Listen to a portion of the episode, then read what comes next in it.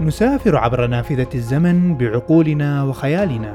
تارة للماضي فنشهد لحظات بناء الكون وتفاصيله وتارة للمستقبل فنرصد مستعمرات لبشر على ظهر كواكب أخرى.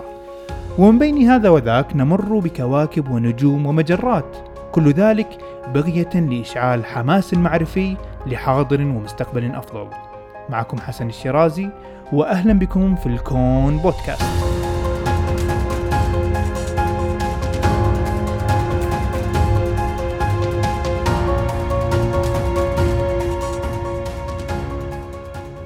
السلام عليكم واهلا وسهلا بكم في هذه الحلقة الجديدة من الكون بودكاست واللي راح أستعرض فيها أهم القفزات في علم الفلك وصناعة الفضاء بالتحديد التي حدثت مؤخرا في العام الماضي 2023 وحتى الشهر الحالي.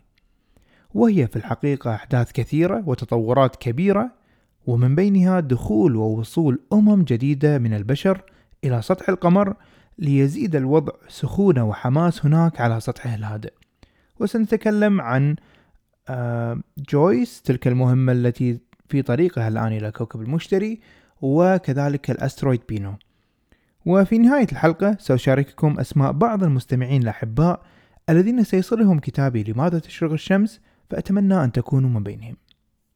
وأول ما سأبتدئ به من قفزات في صناعة الفضاء هو ستارشيب الاسم الذي يطلق على واحد من أعتى وأقوى ما صنع الإنسان من صواريخ غازية للفضاء. وهذا الصاروخ بالتحديد من صناعة الشركة العملاقة سبيس إكس في الواقع ستارشيب هي الاسم للنظام المركب من الصاروخ Super Heavy rocket عندما يدمج ويحمل مركبة ستارشيب التي ستكون حاملة لرواد الفضاء. الصاروخ العملاق يصل إلى ارتفاع 120 متر وبقطر 9 أمتار وبذلك يكون أطول من تمثال الحرية ومن ساعة بيج بن وأقل بقليل من الأهرامات في الجيزة وهو من الصواريخ الضخمة جدا وهدف هذا الصاروخ هو تسيير الرحلات من الأرض إلى القمر وإلى المريخ والرحلات ما بعدها وتزويد هذه المسارات في الخدمات اللوجستية التي تحتاجها قواعد البشر المستقبلية في تلك الأجرام خارج الأرض. ستارشيب يعتبر من المشاريع الطموحة جدا ويبدو أنه لا يوجد لها منافسين حتى الآن من القطاع الخاص في مجال الفضاء. أما ما يخص تطورات المشروع ففي العشرين من أبريل العام الماضي انطلقت الرحلة الأولى بعد انتظار طويل جدا. وفي تلك الرحلة كانت الصعوبات والمعوقات للصاروخ كبيرة جدا منذ لحظة الإطلاق وبات واضحا أن الرحلة محكومة بالفشل كونها الرحلة الأولى لهذا النوع من الصواريخ. كما كان متوقع على أي حال فصاروخ فالكون 9 لنفس الشركة فشل عدة مرات قبل أن يحصد نجاح لا مثيل له. ولكن على أي حال استطاع الصاروخ في ذلك اليوم أن يطير 39 كيلومتر قبل أن يتحطم في السماء. ولكن الحدث المهم هو أن سبيس إكس لم تتوقف كثيرا وبعدها بسبعة أشهر فقط أي في نوفمبر العام الماضي انطلقت الرحلة الثانية. وفي تلك المرة استطاع الصاروخ أن يكمل كل مراحل الاحتراق المطلوبة وينقل مركبة الرواد إلى الارتفاع المطلوب قبل أن ينفصل عنها. ولكن بعد تلك اللحظة انفجرت مركبة الرواد والتي كانت تجريبية بدون رواد طبعا قبل أن تصل إلى الفضاء. وإن جمعنا كل هذا على بعضه من الدروس المستفادة مع خبرة سبيس إكس المتراكمة نستنتج أن الرحلة الثالثة لصاروخ ستارشيب ستجتاز الغلاف الجوي وقبل أن تصل لوجهتها الأولى وهي القمر. حاليا الشركة تنتظر موافقة ال FAA Federal Aviation Administration أو إدارة الطيران الفيدرالية والتي تراجع كل التعديلات المطلوبة من الشركة لضمان التقدم والسلامة في الرحلة القادمة. ومن المتوقع الحصول على الموافقات اللازمة في الشهر الحالي في فبراير. وفي هذه الأثناء من جانب سبيس إكس تعمل الشركة على تنصيب منصة الإطلاق للرحلة القادمة وكل شيء يسير على قدم وساق لخطوة جديدة عملاقة ناحية القمر. هذا بالنسبة لستارشيب عملاق النقل واللي راح يعمل علامة فارقة جدا في رحلات الفضاء حالما ينجح في كل مراحله. انتقل الآن إلى التطورات في وجهة البشر القديمة الجديدة وهي القمر. في الأعوام السابقة أصبح من الواضح جدا توجهات الدول المعلنة والغير معلنة ناحية جارنا القمر. وسأفرد حلقة كاملة بإذن الله نفصل فيها أهداف وأبعاد مثل هذه الرحلات. ولكن فيما يخص 2023 وبداية هذه السنة فقد كانت هناك عدة محاولات أهمها هي أربع محاولات رئيسية للهبوط على سطح القمر. الرحلة الأولى المهمة كانت من أوروبا وبالتحديد من روسيا من روسكوزموس وكالة الفضاء الروسية. في مهمة أطلقوا عليها اسم لونا 25 طبعا الاسم هنا مهم جدا لمن يعرف التاريخ الروسي في الفضاء. فلونا كان اسم برنامج رحلات الفضاء للقمر الذي استخدمه الاتحاد السوفيتي في سبعينيات القرن الماضي. والهدف الرئيسي لهذا اللاندر أو المركبة الهابطة على سطح القمر هو قياس تكنولوجيات حديثة غير مجربة للهبوط على سطح القمر. ولكن في نهاية المطاف فشل اللاندر أو المركبة في هذه الرحلة. عندما أعلن في أغسطس فشل المهمة في لحظات تصحيح المسار الأخيرة قبل الهبوط على السطح. فكانت هذه تجربة رحلة القمر من روسيا. وبعيدا عن البرد الروسي وموسكو كانت الرحلة المتجهة التالية للقمر تنطلق من آسيا في اليابان. ولكن ليس من جاكسا وكالة فضاء اليابانية بل عن طريق الشركات الخاصة من خلال شركة تسمى آي سبيس ونلاحظ هنا انتشار نموذج عمل القطاع الخاص خارج أوروبا والولايات المتحدة في آه، قطاع الفضاء وأن الأمر لم يعد مقتصر كذلك على الحكومات في آسيا وإن دل هذا على شيء فيدل على الربحية في هذا القطاع المستقبلي والذي يخدم ويخفف الأعباء على الحكومات من خلال تحويل كل هذه الخدمات الاستكشافية عن طريق القطاع الخاص. عموما هذه الرحلة اليابانية كانت من الرحلات الواعدة وقابت قوسين من أن تنجح في الهبوط على السطح ولكن في اللحظات الأخيرة أيضا في أثناء الهبوط تحطمت المركبة هاكوتا آر وهي تحاول التواصل مع المحطة الأرضية لتعديل موقع الهبوط بعد أن تبين وجود مشاكل في الموقع المبدئي المحدد لها وقت الانطلاق. الرحلة الموالية والمهمة جدا والتي كتب لها النجاح من بين كل رحلات السنة الماضية على سطح القمر هي أيضا من آسيا وبالتحديد من الهند بحيث أصبحت رابع أمة في التاريخ تعلن وصولها إلى القمر بعد الاتحاد السوفيتي والولايات المتحدة والصين. وبذلك تعلن دخولها هذا الميدان بقوة من خلال تطوير تكنولوجياتها الخاصة عبر سنوات من الخبرات المتراكمة في وكالة الفضاء الهندية آيسرو. وهذه المهمة كانت عبارة عن نجاحات على كل الأصعدة. فالمركبة الموصلة للحمولة الهابطة على القمر استطاعت العودة مجددا إلى الأرض. يعني انطلقت من الأرض وصلت إلى القمر وأوصلت جوال يسمى فيكروم. الجوال نزل على سطح القمر يحوم على سطحه وكذلك تركت في المدار قمر صناعي يسمى براغيان يصور القمر من الفضاء. وبعد ذلك رجعت إلى الأرض. ولأجل ذلك قلت قبل قليل أن الرحلة كلها نجاحات في نجاحات. وذلك لم يكن ليتحقق إلا بعد سلسلة من الإخفاقات والدروس المستفادة من الرحلات السابقة للوكالة الهندية. فكرم الجوال الهابطة نجحت في أن تجوب الجزء الجنوبي من سطح القمر حاليا ونحن نتحدث كما هو الحال للقمر الصناعي وما هذه كما يبدو إلا البداية للهند وأي بداية قوية لصنع قطاع فضائي مستقل يخدم تطور العلم بشكل عام ويخدم مصالح الهند الدولية والخاصة هناك في القواعد البشرية المستقبلية. أخيرا قبل أن أختم رحلات القمر نرجع مرة أخرى إلى اليابان في محاولتها الشهر الماضي المحاولة شبه الناجحة والتي جعلتها خامس أمة تصل إلى سطح القمر مضافة إلى الدول اللي ذكرتها قبل قليل من خلال المركبة سليم. والاسم سليم هو اختصار ل Smart Lander for Investigating Moon انطلق في سبتمبر العام الماضي من مركز ناجاشيما للفضاء محمولا على ظهر الصاروخ. وبجانب ال lander هناك كان تلسكوب فضائي يسمى كريزم الذي انفصل عن المركبة في موقع آخر ليدرس الفضاء من خلال تصوير الأشعة السينية ودخل الخدمة في هذا الشهر لأغراضه البحثية. وبعد رحلة مدتها 110 أيام في شهر ديسمبر الماضي وصلت المركبة في محيط القمر. قد تتساءل لماذا كل هذه المدة الطويلة للوصول إلى جارنا القريب؟ والجواب هو لتوفير الوقود ولتكون أنجع طريقة اقتصادية يمكن أن تتخذها المركبة ذات السبعمائة كيلوغرام في طريقها إلى القمر. يعني هي عقب ما انطلقت من الأرض بدأت تستفيد من رحلات أو من دورانات حول كوكب الأرض بحيث أن جاذبية الأرض هي التي تدفعها بشكل مباشر إلى القمر. وبعد أن وصلت بدأت الهبوط التدريجي على السطح ومن على ارتفاع 100 متر حددت المركبة موقع الهبوط بشكل دقيق في وسط فوهة شيولي ذات 300 متر في قطرها. وهي منطقة مهمة في الدراسات العلمية على سطح القمر. لما لها من استكشافات متوقعة للمعادن هناك. كل شيء كان على ما يرام حتى الدقائق الأخيرة من عملية الهبوط. وكما تلاحظون الآن أن عملية الهبوط عندها تفشل أكثر المهمات كما يبدو أنها من أعقد مراحل المهمات في آه، رحلات القمر. وفي هذه الرحلة وقت الهبوط أصيب أحد المحركين إصابة دائمة مما أخل بتوازن المركبة وقت الهبوط. حيث هبطت بشكل أفقي وبزاوية عكس ما كان مخطط لها.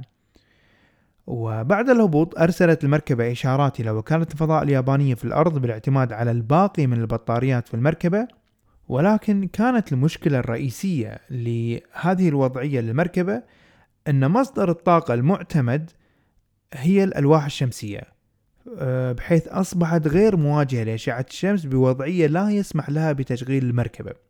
على الرغم من إمكانية وصول ضوء قليل ولكن بنسب تبدو أنها غير كافية لإحياء المركبة مرة أخرى. ولكن الخبر الجيد أنه قبيل الهبوط أطلقت المركبة جوالين صغيرين جدا لاستكشاف سطح القمر. يسمون Lunar Excursion Vehicle 1 و 2 اثنين. يقومون بالتجول على السطح بطرق هندسية وعبقرية جديدة من خلال القفز والتدحرج. وذلك بغرض تطوير أفضل الطرق والتصورات لوسائل التنقل هناك في المستقبل سواء عن طريق الروبوت أو عن طريق الإنسان.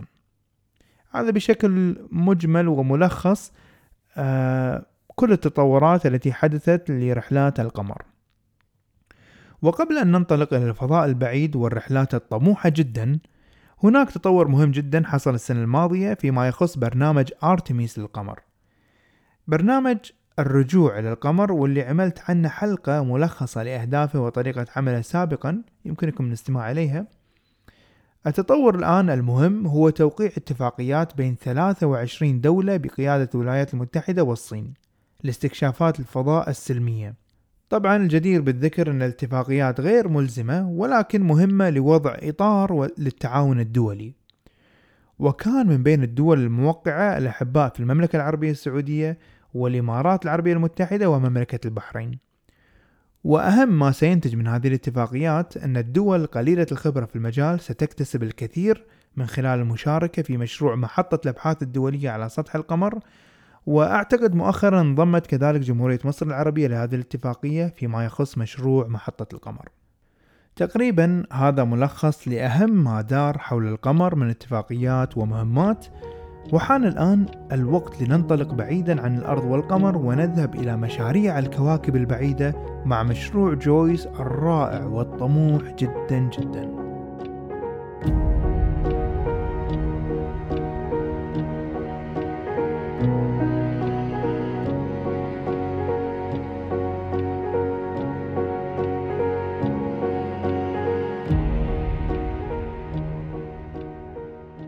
في شهر إبريل من العام الماضي أعلنت وكالة الفضاء الأوروبية إيسا عن إطلاق مركبة جويس وهي اختصار ل Jupiter Icy Moon Explorer. هذه الرحلة ستصنع التاريخ في زيارتها للأقمار العملاقة في كوكب المشتري غانيميد وكاليستو ويوروبا. ولمن يحب أيضا عملت حلقة سابقة خاصة لهذه الأقمار بالتحديد وشرحت فيها تفاصيل هذه العوالم يمكنكم الاستماع إليها. وإن أهم ما يميز هذه الأقمار هو الاشتباه بوجود المياه تحت أسطحها الثلجية وحيث توجد المياه بصورتها السائلة دائما ما يسير لعاب العلماء في التفكير بوجود حياة مختفية هناك تنتظر من يكتشفها. والخطة المبدئية لعمل المركبة ستكون كالتالي الانطلاق كان كما هو مخطط له في إبريل الماضي ومن بعد ذلك ستدخل المركبة في سلسلة مدروسة من الدورانات حول كوكب الأرض وكوكب الزهرة بحيث يكون الدوران الأول حول الأرض في شهر أغسطس من العام الحالي ومن ثم دوران حول كوكب الزهرة في أغسطس من العام 2025 ومرة أخرى حول الأرض في عام 2026 والهدف من هذه الدورانات المتكررة هو الاستفادة من جاذبية الكواكب لتوليد زخم يدفع المركبة بأقصى سرعة ممكنة ناحية المشتري.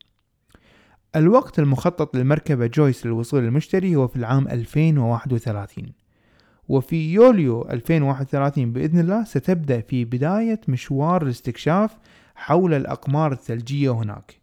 فسوف تطوف حولهم عدة مرات تسمى رحلات fly-bys ومن خلال هذه الرحلات سنتعرف على هذه الأقمار عن كثب بطريقة لم تحصل من قبل وعندها يمكننا الاقتراب أكثر وأكثر من فك لغز المسطحات الثلجية التي تغطي الأقمار هناك بعد ذلك ستنتقل المركبة إلى القمر العملاق غانيميد في عام 2034 وتحوم في مداره لمدة عام كامل الله يعطينا وياكم العمر والصحة والعافية لنشهد مثل هذه التطورات الفلكية والتي لا تعدو سوى خطوات أولية لطفل يحبو ناحية استكشاف المجموعة الشمسية والمجرة.